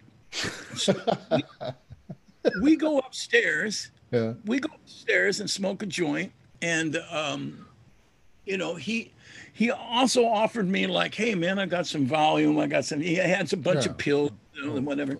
I would have took them if i didn't have it. And uh, but you know and he goes uh, we smoke a weed and we start talking. You know i started and i'm just going blah blah blah blah blah music music music this this blues guys blues blues the blues are you know have you ever heard this this? I go downstairs and I'm late. I remember being late for our jam. You know, Yeah. we're both, Yeah. but not that late. So we play the show, and at the end of the night, I go home. Yeah. And in the middle of the week, I get a phone call, and it's Belushi, and he's calling from New York, and he says, "Curtis, yeah, um, uh, I'm in New York, blah blah blah. I'm going to uh, be back. I want let's let's have my wife will cook, and I'd like you to come over and bring your records." Okay. And so, yeah, so now he lives in Portland, Oregon, in someone else's house. Let me with, explain with his wife. with his wife. Okay. Yeah. So they fly back to New York, and then Yeah. when they come to film Animal House, Yeah. uh, when they come, the studio, Universal Studios, sets up their actors with a place to live, especially their headliner, right? Yeah. Yeah. And so basically, uh, most of the film crew is staying at a Holiday Inn. Yeah. But Belushi, they've got a house for Belushi and Judy Jacklin, that's his wife. Yeah. And that's what they do for you. So basically, how's that done? They either ask somebody, "Would you give up your house and go on a nice vacation? Here, here's some money," or or somebody's going to leave and do something, and they'll find it. They have scouts. They scout out locations, and they scout out homes and stuff. And hmm. by the way, they scouted out the location. Many other states and many other universities they scouted out and found a animal house a fraternity that was going to be destroyed. Oh, yeah. So Okay. basically, Yeah. and none of the other states or universities wanted anything to do with this movie. Oh, They yeah. Yeah. But Eugene was like, yeah, and Eugene's that way. He's like, sure, we're gonna get, yeah, come on and make the movie. Cool. You know, so so I would hmm. find this out later. We got to remember, I don't Yeah. know this. Yeah, okay. I don't. I, I still don't know who he is. Yeah. So what happened was he goes, "Hey man, I want you to come over." And So I brought him a pile of records. I brought him pile of records. Exactly. Magic Sam, Little Walter, Sonny Boy Williamson, Howlin' Wolf, uh, King Floyd. He would come and see us play. After he came and see the Nighthawks, Yeah. not the Robert. He wasn't into the Robert Cray band. I don't know why. And he even said that. No, I don't. You know, whatever. The reason is is because Dan Aykroyd is the one who was into the blues, and Yeah. he wanted John. He wanted John to get on board Yeah. And John saw me, and uh, up to that point of seeing me at the Eugene Hotel, John wasn't going for it. He wasn't into the blues. Yeah. Aykroyd was into the blues, Yeah. and Dan Aykroyd liked this band out of Toronto, Canada, called the Downchild Blues Band. Yeah. So let me say here that Aykroyd is the one who invented the Blues Brothers, and Aykroyd is the one who is like trying to get John on board. Okay. And when yeah, John yeah. saw me, when John saw me, that was like now he had something to work with. I was his yeah. muse. Oh, That's cool. that's Yeah. and so and this you know this will get to you know this will stack so i don't know this i just know one thing john and that is this guy is into this music that i love and all i want to do is turn him on to that's how i am i still am today that's how you and i were in the car Yeah, when we yeah. got in Yeah, we're talking i'm just like yeah man let me tell you i mean i love talking about music Yeah. and that's it. And i want people to know who made it. I want people to know and give credit where credit's due. Yeah. and so that's what i'm doing to john. I don't care about his acting. I didn't know he was a star. I just want him to know about magic sam and little walter and sonny boy williamson and james cotton and this and this and this and this and this. But who did know about it and i wouldn't know the, about this until years later was dan Aykroyd. Dan Yeah. Aykroyd had this band called the Downchild Blues Band, and he championed them. And so, and in that band, two members of the band of the Downchild Blue Band Yeah. were brothers. Okay. So So it was, uh, yeah. So that was the characters that was the in the, characters. in the movie. Yeah. Aykroyd, whose idea it was, it was Aykroyd Yeah. who wrote the script. He wrote the script to Blues Brothers, you know. Yeah, And yeah. John's a writer as well, so I'm sure he collaborated. But basically, I guess Aykroyd wrote a script so huge that they had to like cut a lot out. A matter of fact, the Robert Cray band was cut out because he wrote us into the script supposedly. Okay. So, uh, um, anyhow, to go back, so I bring over these records, and all I want him to do is understand this stuff. Yeah. And uh, so then he starts coming to see the Nighthawks. Yeah. And we had in that band, we were playing, hey, we were playing Soul Man, Groove Me by King Floyd. Hey there, sugar, blink. Let me tell you something, girl. That I'm, you know that one. Yeah, yeah. And we did that. We were a R&B band that did old soul and Yeah. and uh, not old soul really. And so, so messing with the kid, Sweet Home Chicago. He saw us do that. He saw us do um, Groove Me. He saw us do uh, Soul Man. He saw I did I don't know. I did the song I don't know within the Nighthawks. Yeah. And he called me up. He would later call me up and go, "What's that bit of business you're doing in the song I don't know?" And I go, "What are you talking about?" He goes, "You know, you you, you got this whole thing." So I told him this over the phone. I said, "Y- Uh, "You're talking about, baby, are you going to make like a camel and walk a mile, or make like Chesterfield and satisfy?" Depends on what she's packing, regular or king size. So at the, I whipped out my Jim Beam, and and and it was as hard as a Canadian club. And I gave her a shot of cream in Kentucky, and that created the Wilkinson family. and and so I gave him that, and I put this in the middle of the song "I Don't Know," which has a breakdown in it. It breaks down and goes, Yeah. "You know, you know, she shouldn't say that. What did I say to make you mad this time, baby?" She said, mm, "I don't Yeah. know." Right, right. So I went, and she said she shouldn't say that Yeah.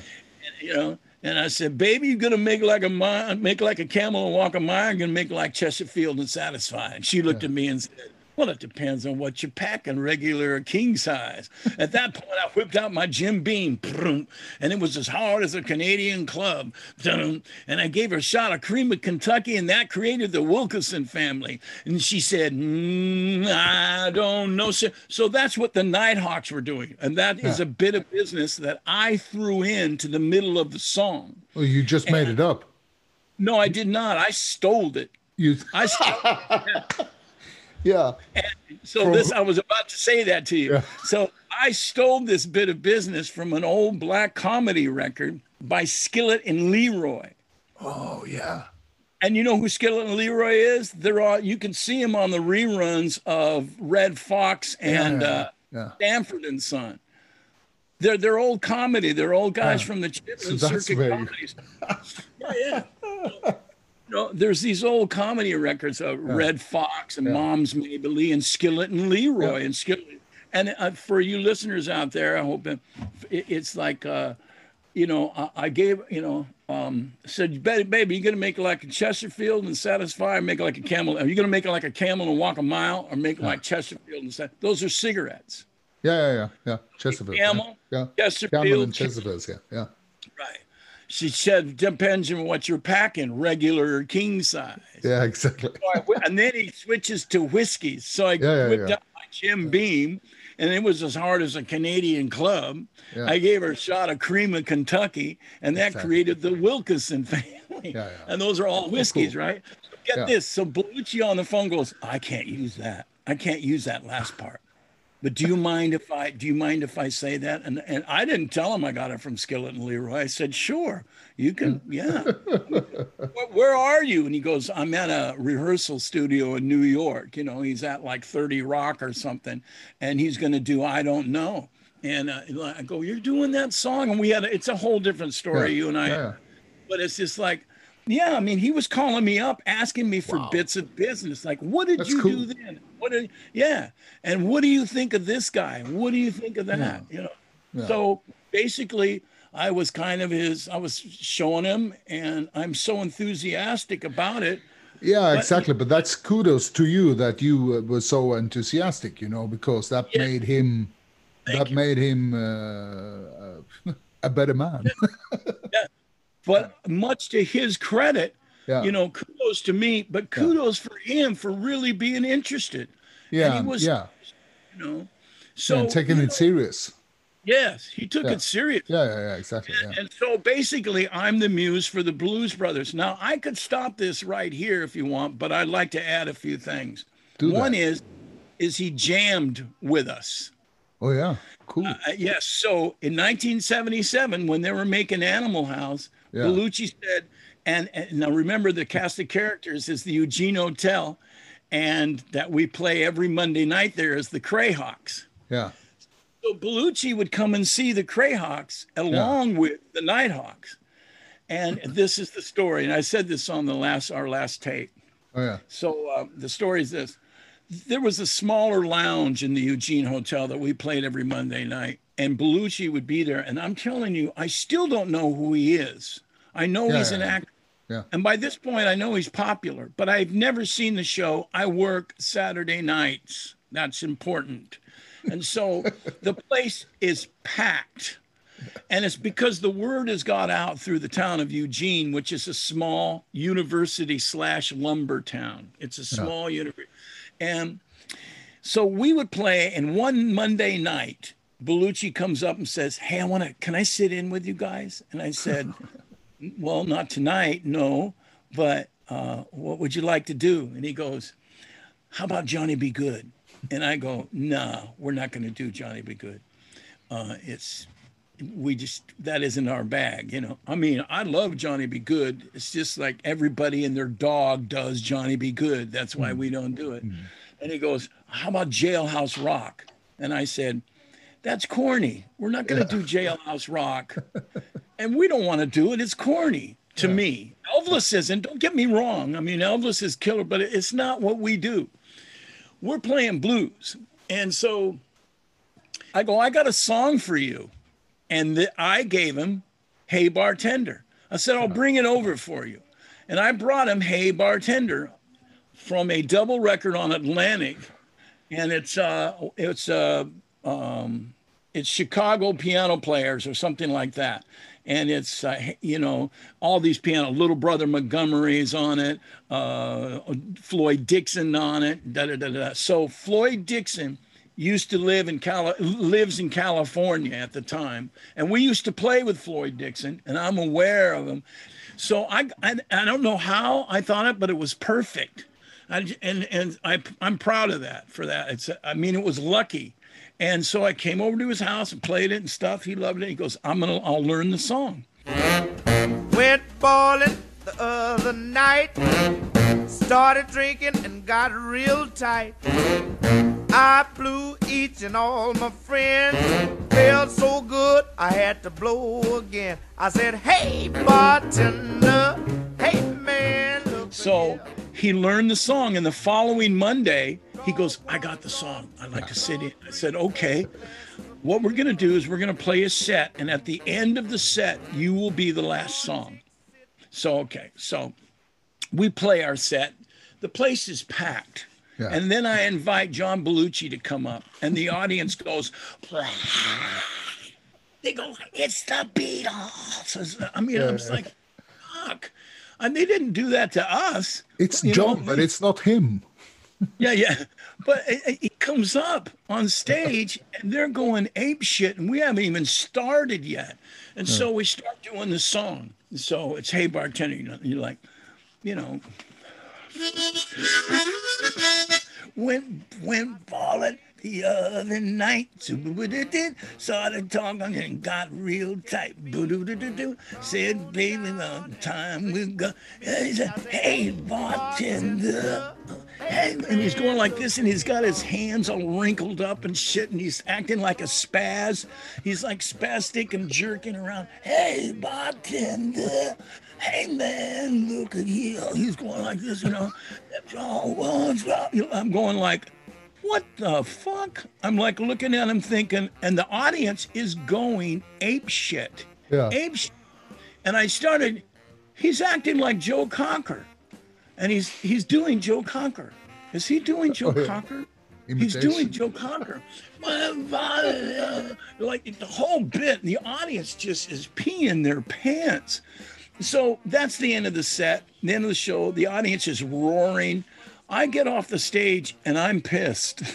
I'm pissed because that sucked to me. You know, I mean. I I still don't know what's going on, and little did I know that it was one of his famous gags that he did was imitate people, and he was a good imitator, and he imitated Joe Cocker. Of course, I recognized him because he did a good job at it. Yeah. And I jump up, but I still don't know because audience and you, I've never seen him do his thing. I still have never seen Saturday Night Live because I work on Saturday. So Of anyhow, course, of course. I, yeah.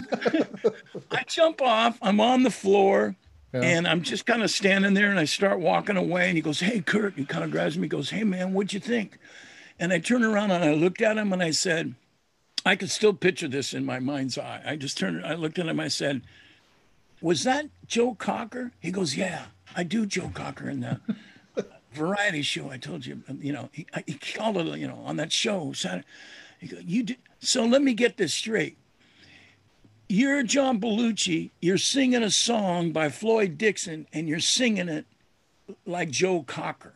And this is the only thing I really told him, other than to bring him records and to turn him on to stuff and to talk about Yeah. why this person is great. It's the only thing I personally told him. I reached over and I go, boom, boom, boom, and I tapped him on the chest. I go, doom, doom, doom. I go, you got to come from here. You got to come from your heart, man. This is, you know, sing from here. You're doing Joe Cocker and you're singing a, a Floyd Dixon tune. You need to come from here, man. Sing, be yourself. Be yourself. And this is what he did. He goes, Yeah, you're right. You're right. And that was it. He just like took it, man. You no thing. Oh, cool. You know, Yeah, but but that's sing like that's Cocker. always a nice nice advice, you know. And he took know, it to He took it, yeah.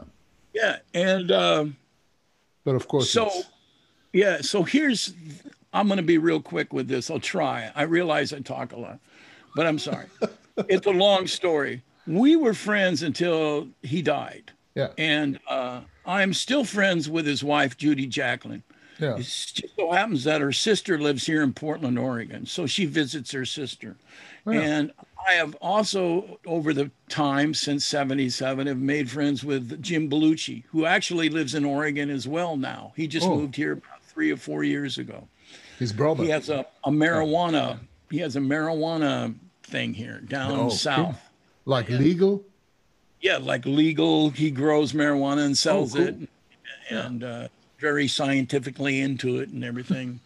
I don't do marijuana, but I hear it's good. so it's a medical farm. yeah, yeah, exactly. so, uh, um, so I've become friends with John, you know, during Yeah, this whole thing, and to the point of he invited me to come down to. After Animal House, he did 1941, and he called me up and invited me to come down and hang out in Hollywood Yeah. and uh, I saw him. You know, I was with him when he made the movie 1941, and Yeah. uh, that's a whole other story.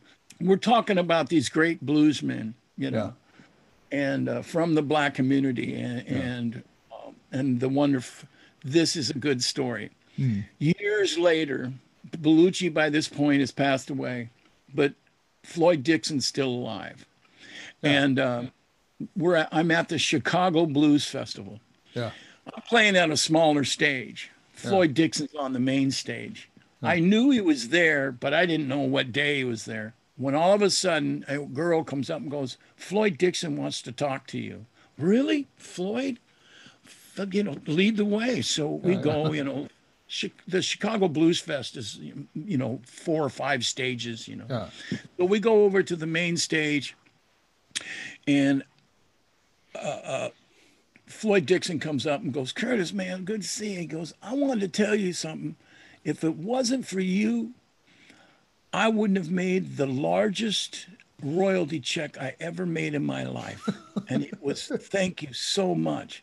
I mean, now let's do Floyd Dixon is a big influence on Ray Charles. And Floyd Dixon was a big influence on Charles Brown. And Floyd Dixon was a wonderful, brilliant jazz piano player, blues Wow. piano player. And uh, yeah, he's not just, he could play anything. And people don't realize the scope of his musicality, anyhow. Very eccentric guy. But he's sitting there telling me this, and I got choked up. I mean, this guy started making records when they were 78s. You know what I'm saying? Yeah, yeah, yeah. yeah. And here we are, like, you know, 1989, 1992, or somewhere around in there. And, and he's telling me, if it wasn't for you, Curtis, I made the biggest, this is the biggest thing that it really ever happened to me, you know, out of that whole Blue Brothers thing. That Blues Brothers thing, Floyd Dixon goes, Curtis, if it wasn't for you, man, I made the biggest royalty check I ever made in my life. And like I said, I got kind of, I was like, wow, man, thank you. Geez. And Yeah. that is the biggest thing to me. And this is what happened. I said, well, Floyd, how much did you make, if you don't mind me asking? And he said, my first royalty check, check was for like $78,000. I still remember that, you know, $78,000. That's a lot And of I'm money. like- Yeah, and I'm thinking to myself, God, he must have bought a house. And I said, if you don't mind me asking, what'd you do with it? And he, I'll never forget this. And this is a true blues man. This Yeah. is the blues. This is the blues. Yeah. He goes, he took off his glasses. He had shades on. He goes like this. He takes them off and he looks out into the heavens and he goes, all I spent it all on the horses. I had a wonderful time. On the racetracks. Yeah. Yeah. I spent it all on, yeah, yeah. Oh, fucking I had a wonderful time. You know, I mean, I was just like, wow. oh, yeah. Oh, he he, he spent seventy thousand dollars on the horses, and he didn't care. He was he was just like, oh man, I had a wonderful time. It was just like, you know, that's the blues. You Yeah, know, that's it. you know, he should have went and bought a house on the coast. You know, He should have. the guy could have put because basically, I mean, Floyd Dixon lived in the ghetto, man. I went to his house. I went to his office, and his office was a bar in the Sirloin district in the in the in the pretty much the tough area of San Francisco. Oh, his office was a payphone at the back of a bar. and, and his card even gave you the address. And me and a friend of mine went there. We were in San Francisco. Let's go see Floyd Dixon, and it was a it was a bar. Yeah, So- there's Floyd's uh, and John Floyd's, and I bought one of his records. You know, he had a little box with his records in it. So, Yeah, so, so he he, booked, he booked gigs from that phone. he booked uh, gigs from that phone, and that's where you could reach him. And then now, now here it is. You know, you know, 15 years later, I'm sitting there. and That was in the 70s. fif- You know, you know, years later, I'm standing there going, "Wow, what'd you do with the money? I spent it all on the horses, man. I had a wonderful time." Years. So anyhow, my point is, is that's the blues, man. Floyd Dixon got money. Seventy-eight thousand dollars was his first royalty check. What'd you do with it? I spent it all on horses, and I had a great time. I just wonder what he did with his next check. yeah, yeah, yeah. Me too. I don't think he bought a house or ah, invested. Maybe he I bought a mean- car. I don't know. That that to me is my final stamp on the whole Blues Brothers story is yeah. that it was Floyd Dixon. And for me, the whole experience, I still talk about it almost every day to somebody. I, it still uses me. Uh, Alligator Records didn't want to mention anything about it. The guy was like, well, you know, the Blues Brothers. I go, man, people talk about the Blues Brothers all the time. You know, Of course. it's just like, I mean, it's not something to just push aside. Yeah, you can say uh, a lot of things about the, the the Blues Brothers and, and the music and the playing and what they're doing, but but you know, uh, it it made blues more uh, available for for the audience, you know, and and then you recruited many young people, you know. Yes, and uh, I have a part in that. Yeah, I've had just to make sure. Now, a lot of people go mad. You're the original Blues Brothers, or Buddy Guy and Junior Wells are the original Blues Brothers. Uh-huh. No, they're not. It's Dan Aykroyd that came up with that term. Yeah. You could say Buddy Guy and Junior Wells were, or you could say Scrapper Blackwell and and you know uh, Sonny Terry were the brother or Sonny Terry and Brownie McGhee. Yeah. You know, you could say that, but basically, just to let the people know, the Blues Brothers was Dan Aykroyd's. That was his thing. Belushi was not into it. He was into rock and roll, ACDC, um, Blue Oyster Cult. I remember seeing one of those on his turntable in the house that he was uh, given. And uh, he was into rock and roll. We later did a jam once with Robert Cray in LA. I got many stories, but the bottom line is is that John Belushi wasn't into doing a skit that or this idea that uh, I don't think they didn't they weren't thinking on a record. They were Aykroyd was writing a skit. Yeah, And so, and Belushi was like, nah, nah. And then Belushi saw me and went, there's my guy. You know, it's basically, it's basically an actor looking, now this is somebody I can base it on. And I just, I didn't know that. I got other stories too, but you know, but he was a genius. He found know. you. that's not. that is possibly the nicest thing anybody's ever said. Yeah, exactly. Yeah. I appreciate that. But you But, know, uh, man, it, yeah. it's uh, you know, I'm only a part of the puzzle. yeah, yeah, of course. And but it wouldn't have happened if, you know, if if we hooked up and I'm very, very proud of it. I have something to do with uh I, I have something to do with uh you know the ripples of the the vibration that that put out and how many people were affected by it in Yeah, a positive yeah, way Yeah, yeah, of course. Yeah, yeah. and uh, I, I want people. To, I love history, and I'm really fascinated what puts things together. You know- Drums, Yeah. everything, everything about music, songwriting, this, how, whatever, stage mannerisms, this, this, this, this, and this. You know, and John, man, you and your band, JT, incredible, man. Just, Jad loved JT's voice. He's he's a natural Yeah, he you is. know you you guys are you know it's hard to shuffle and uh, you got a killer shuffle down Oh, and thanks. yeah yeah man you uh you know i wish we could all play i wish Yeah, it was but, back but but we will, you know. yeah But but uh, I just remember hearing you the first time you, because that was on the Delbert cruise. Uh, uh, you were singing down with uh, Raul. You know, you remember? You were singing Yeah. down in, in in the casino. It was the year Yeah. before we we actually spoke, I think. Really, really. No, no, no. But no, it was just it was very early on the on the cruise. You were down there singing. And oh yeah, and then, and then Raul came up. You know, talk Yeah, about yeah, yeah. I'm out of here. Bye. You know. No, but, but you were singing. You you, I was so touched by because you. I don't remember which song you were singing, but it was so nice and and you know, uh, playing with Red Young and and uh, and, uh, and what's his name the uh, Joe Mayer on the drums.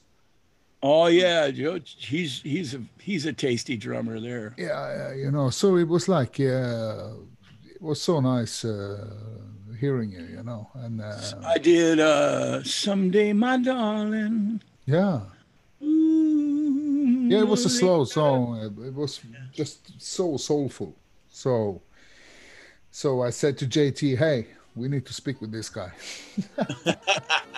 I, and we so did. I So that no was cool. Idea. Yeah. Yeah. Wow, I didn't realize that. Yeah, Yeah. yeah.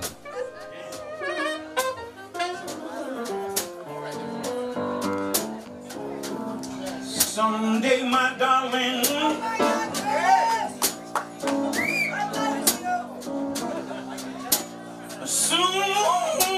Soon later. Someday, my darling.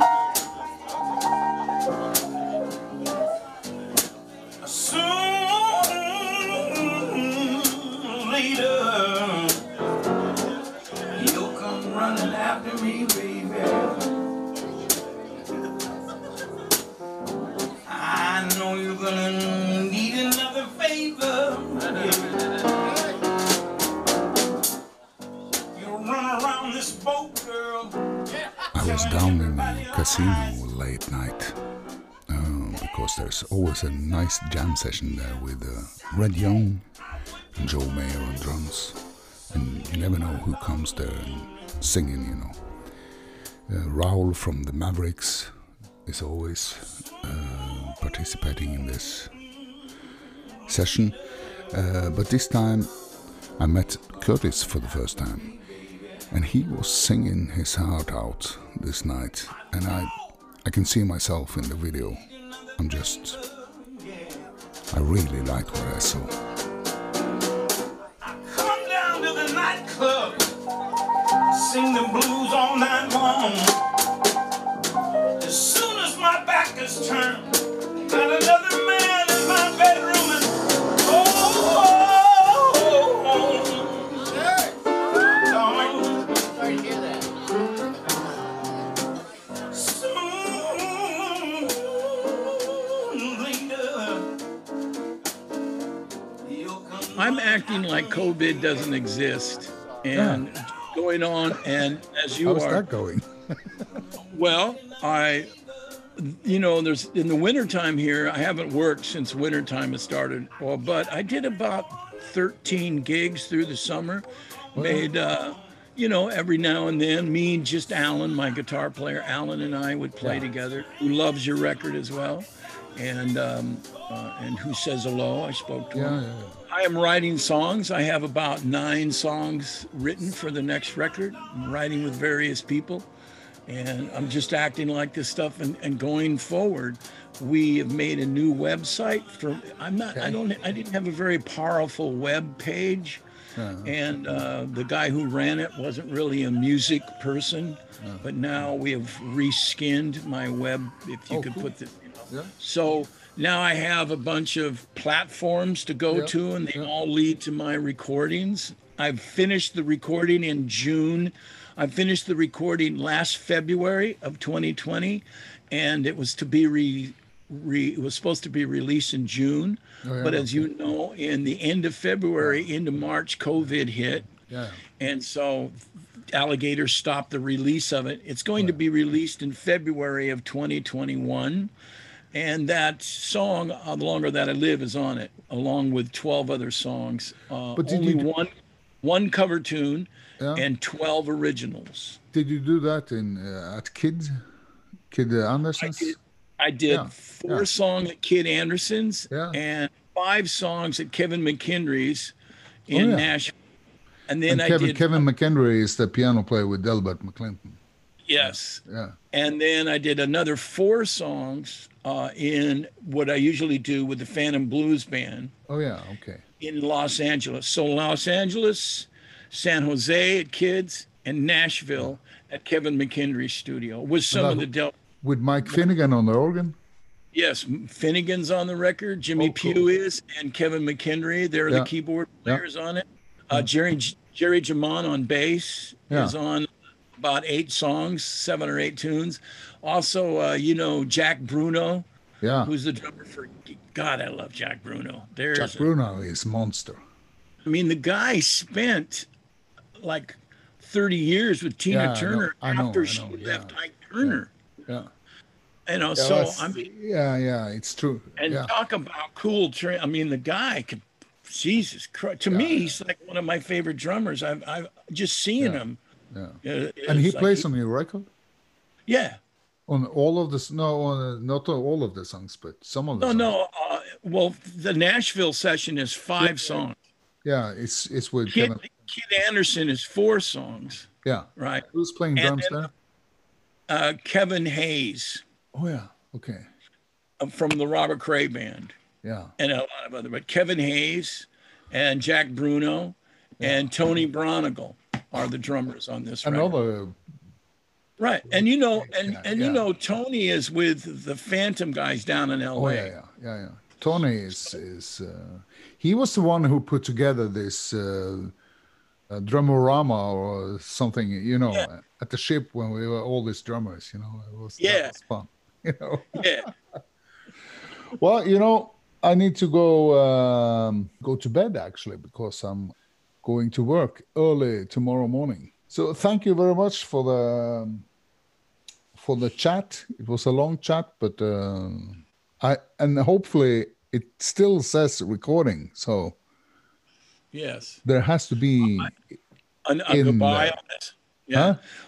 I would like to say, uh, you know, please tell your band members uh, uh, Yeah, I said hello to them and stuff, and you know, I and uh, we started with the car over to your house to Morten's house and stuff to tell Yeah. Morton hello. You guys had your stuff down, and I'm a big fan of your band. So oh, thanks. yeah, you guys. Uh, Richard Cousins was with Robert for a long time, and for a long time I didn't go to Europe. And Richard was playing Europe a lot, and eventually moved to Zurich. But uh, I remember Cousins and I talking, and he's somebody who knows his stuff, and he's going, man, they don't have a shuffle down in Europe over there. You know, there's a couple of. He goes, you know, they don't, you know, and this is in the 1980s, right? Yeah, And as time has gone by, um, I don't know why it is that promoters have to have the American name. You know, no, you have to be from America. You have to because it's not realistic, and you have to be black from America. I get it, or you have to be, you know, the whole thing. But people don't realize now that the world is connected, and people don't realize now the world is caught up, and that. Uh, uh, Europe, France, Germany, England, of course, which is really closely connected with America. Yeah. Because, but man, there's a lot That's of great the- musicians that can play American jazz and American blues yeah, excellently. yeah. And uh, you guys and your band there are, um, you know, are incredible. You guys are. I mean, that that's a solid band. And I hope you guys stay together. That's the we idea as a band, you know. Yeah, yeah. We're actually gonna play a, um digital uh, session. Concert, uh, the- yeah. like the twentieth, at the same place we played in, uh, where where you forgot to your your uh, your jacket and you, yeah your clothes. yeah. and you got Onfin's. Uh, Yeah, suit. yeah. I forgot my God. Um, yeah, and Alan and I are doing one as well. We're going to a recording studio and we're going to Yeah. put on um, a streaming, live streaming show, and we're also going to do a concert and put it on on my new website. I'll send you some songs from the new record. I don't think Oh, I've done that. So Yeah, that's yeah, I, lo- I, I love you, John Grimsby. Yeah. Please, uh, I love you care. too. Is is JT on the new uh, record? he is. He's my background singer. Oh. Good point. Yeah, yeah. yeah, He's singing background. He's singing harmony with me on a song, just him and me. Oh, cool. Yeah. I'll send it to you. Yeah, do that. It's Yeah. beautiful. Yeah, he's a killer, and and he's he has improved so much on his accordion. You know, like Oh, really? Yeah. yeah, I think he's been. I don't know. Yeah, well, something happened. COVID happened. Yeah. I'm sorry to say, man, but you know, I've been at the piano and at the piano every day, man. I'm trying Yeah. to become a piano player. It's, Oh yeah, you yeah. know, Slowly but surely, I'm I'm getting it. You know. That's cool. Yeah. Yeah. I love you, John. Thank you I for the interview. Thank you for doing it twice. Okay. Peace, my brother. Peace and love. Out. Yeah. See you. See you. Bye. Bye.